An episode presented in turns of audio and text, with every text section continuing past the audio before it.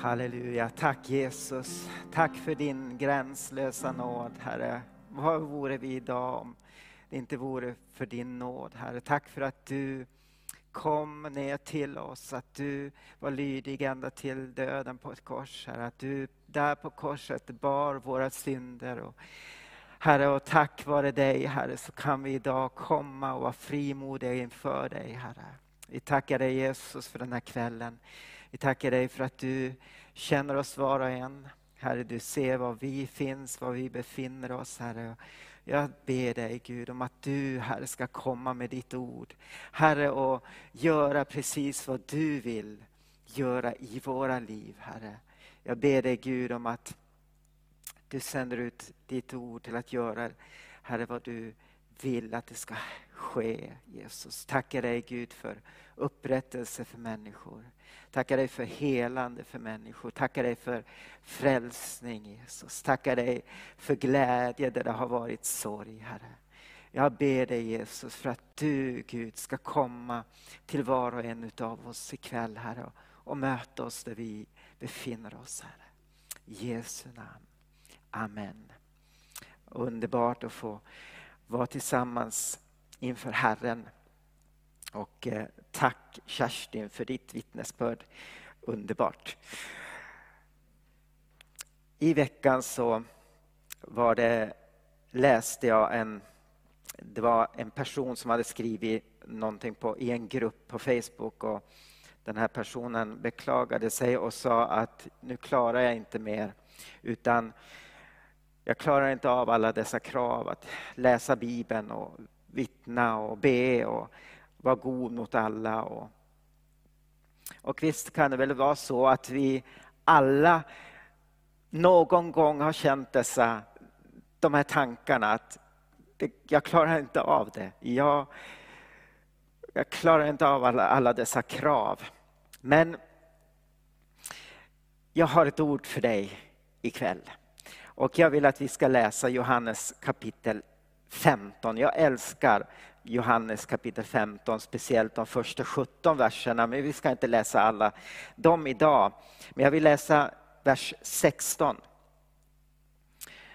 Och här talar Jesus om hans vilja för ditt och mitt liv.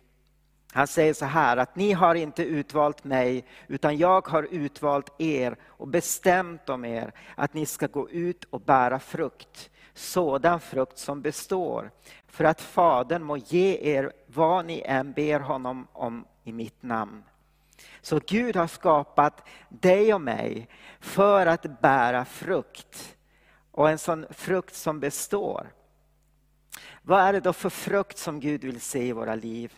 Ja, vi, vi, I Galaterbrevet kapitel 5 så ser vi eh, frukten. Det, det, står om kärlek, glädje, frid, tålamod, vänlighet, godhet, trohet, mildhet och självbehärskning. Det här talas om andens frukt i våra liv. Och, men han vill också se att Jesu liv uttrycks genom ditt och mitt liv. Han vill se Jesu kärlek som uttrycks genom dig och mig till de människor som vi möter, de människor som vi umgås med, de människor som vi sitter tillsammans med på bussen eller på tåget. Och han vill även se att Jesu gärningar uttrycks genom ditt och mitt liv. Och när vi tänker på det här så kan vi bli fyllda av lite stress. Eftersom Tänk att Jesu gärningar, att hans karaktär och att hans kärlek ska strömma genom ditt och mitt liv och förvandla andra människors liv. Det, när vi tänker på det så kanske vi fylls med lite stress. För att jag kan inte leva upp till detta av mig själv. Och... Eh, jag tror att Jesus, han talar till, till oss genom Johannes kapitel 15. Och att du och jag, vi vet av erfarenhet att vi kan inte uppfylla dessa gärningar, dessa saker i och genom oss själva, utan vi behöver hjälp. Och det jag behöver göra det är att tillåta Jesus att han gör det genom dig och mig. Och eh, Paulus, eh, i, ni kan läsa det senare i Galaterbrevet kapitel 5, där det står om köttets gärningar och andens frukt. Tänk på det, han skriver om köttets gärningar, men andens frukt. Frukt är någonting som kommer naturligt. Frukt växer på ett träd naturligt. Det får sin sav, det får den näring den behöver för att växa i och genom trädet den sitter på. Och eh, frukt i våra liv, det kommer naturligt när Guds liv producerar den här frukten i våra liv. Vi behöver inte göra något för att detta ska ske, utan bara låta Guds, att Gud får producera det.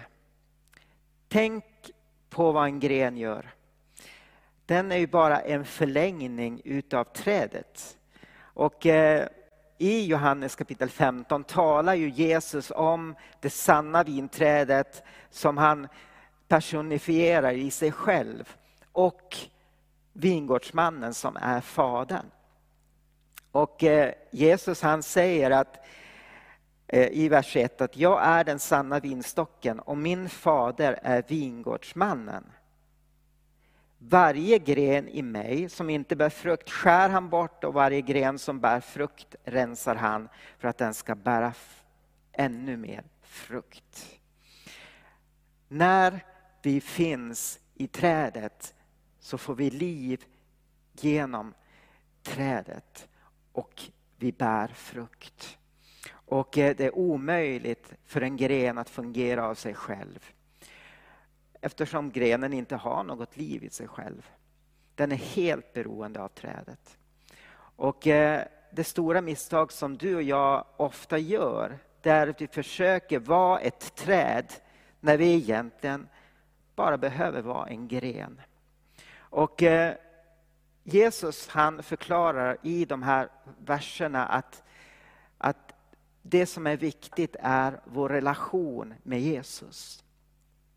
Och eh, varför tyckte Jesus att det var så viktigt för lärjungarna att förstå den här relationen som han beskriver här i Johannes 15?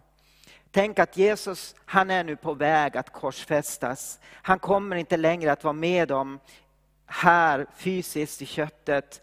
Så hur ska de kunna hantera den förföljelse som de kommer att möta?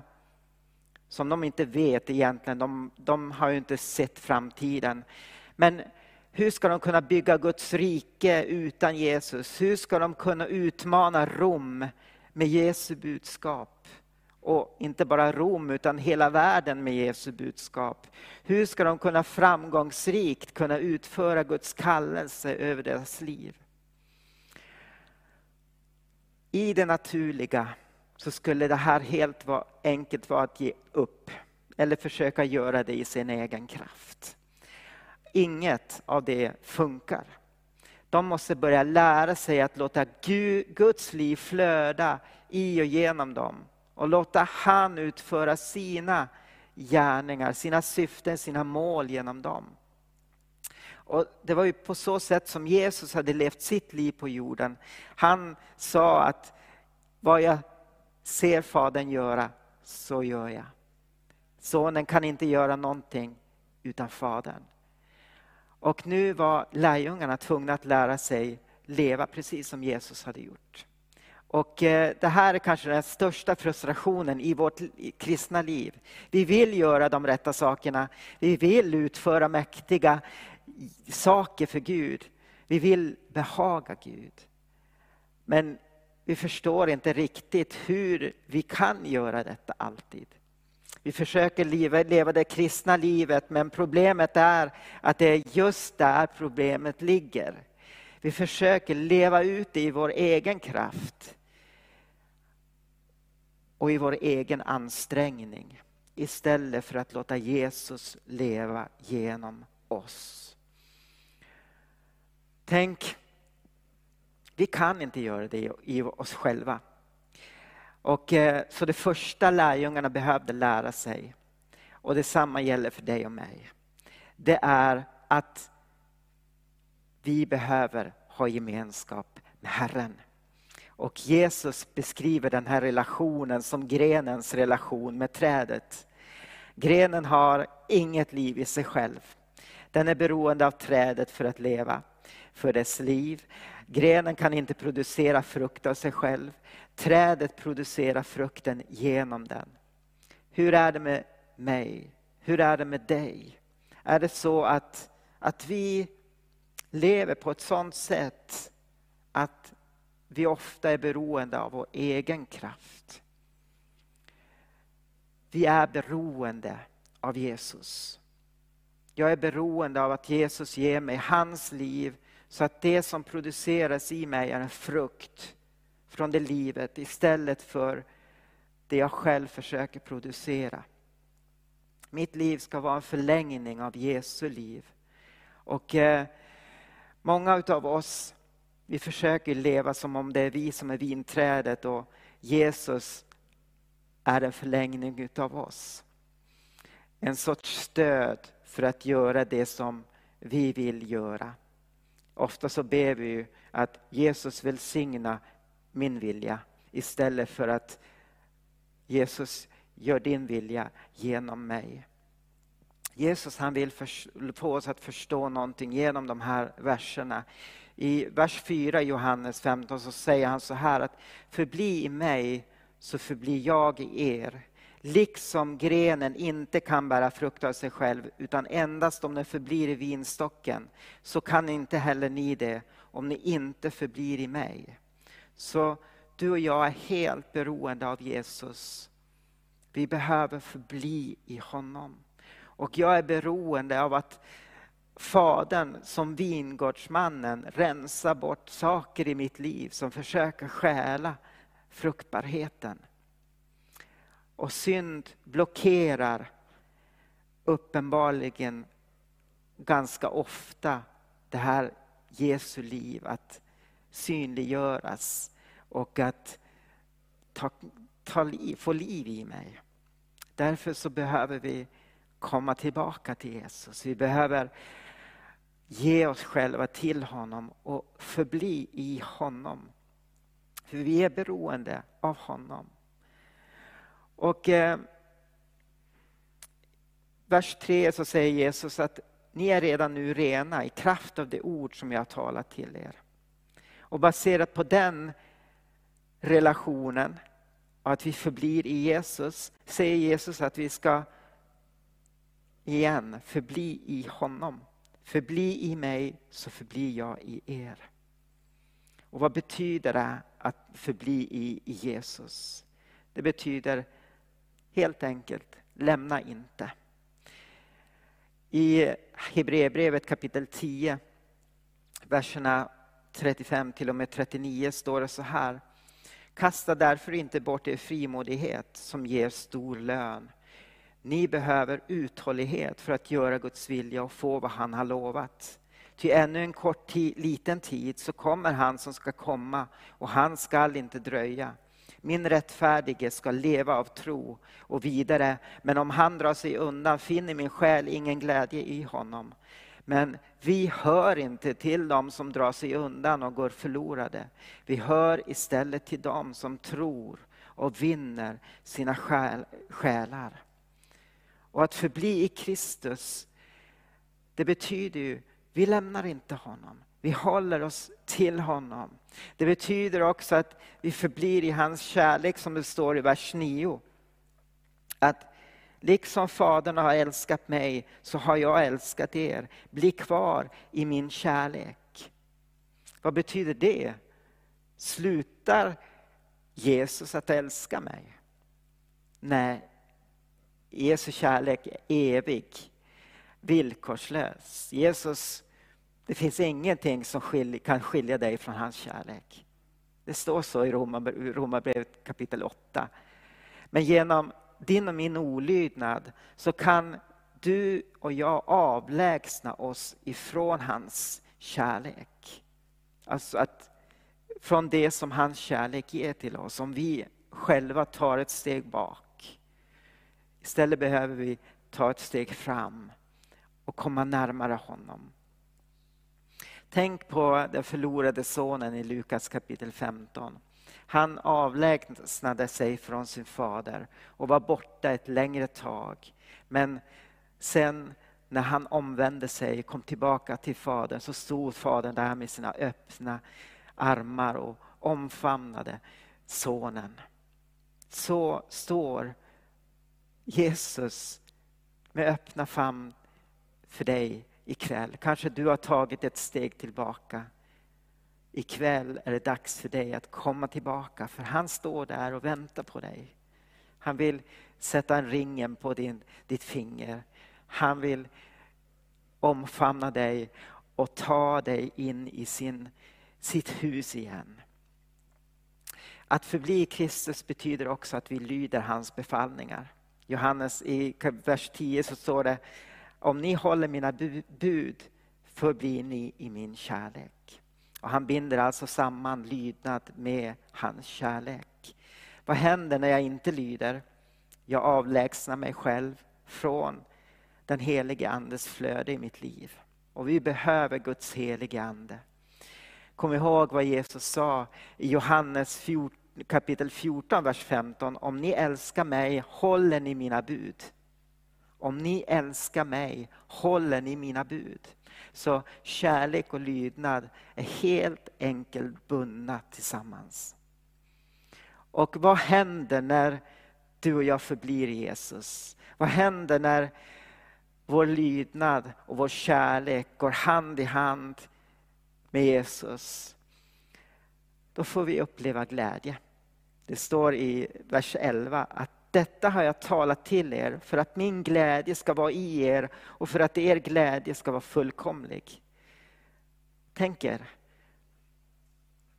att min glädje ska vara i er och för att er glädje ska vara fullkomlig. Tänk att ha fullkomlig glädje.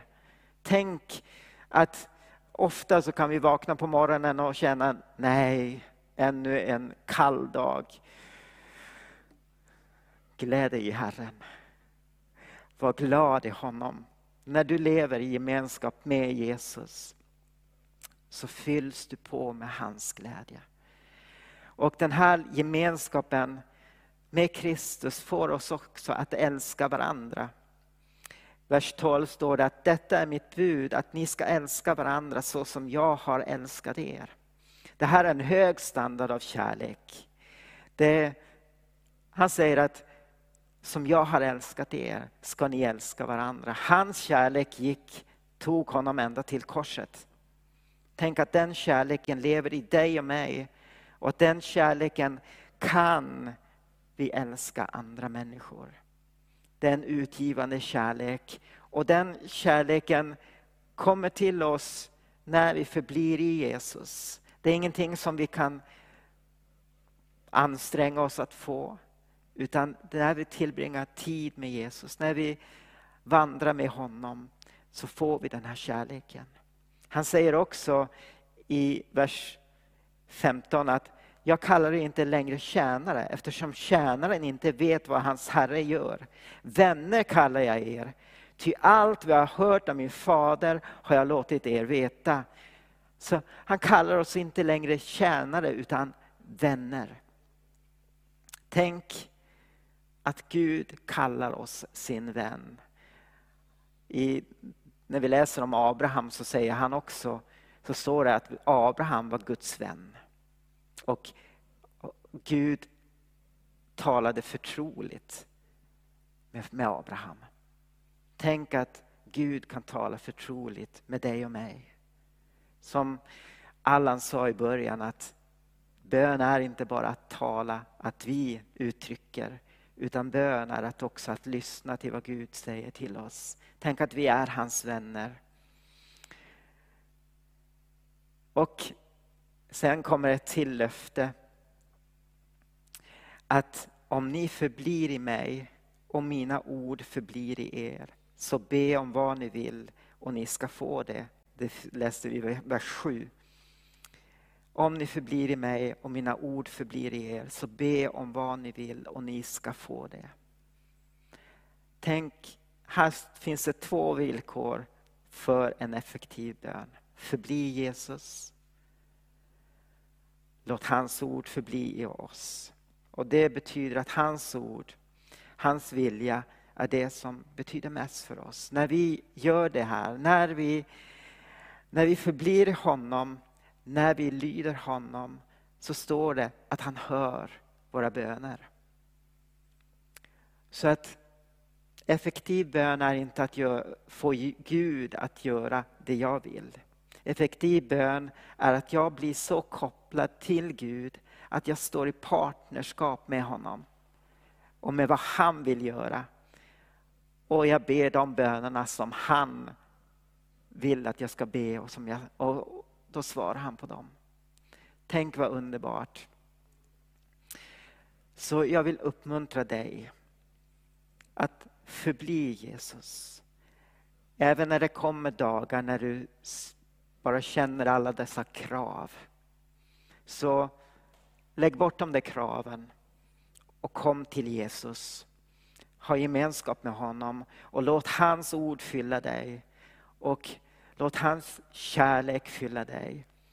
Och vandra med honom. Det är vad jag vill uppmuntra dig ikväll. Jag vet inte var du befinner dig. Kanske du har vandrat länge med Jesus.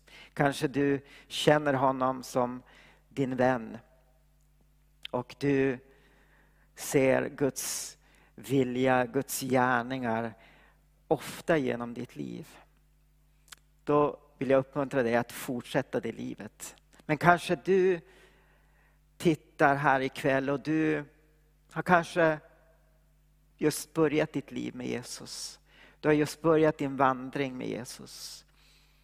Då vill jag uppmuntra dig att fortsätta att komma att dra närmre Gud. Det står i, Jakobs brev att närma er Gud så ska han närma sig er. Kom nära Gud. Låt hans ord få fylla dig.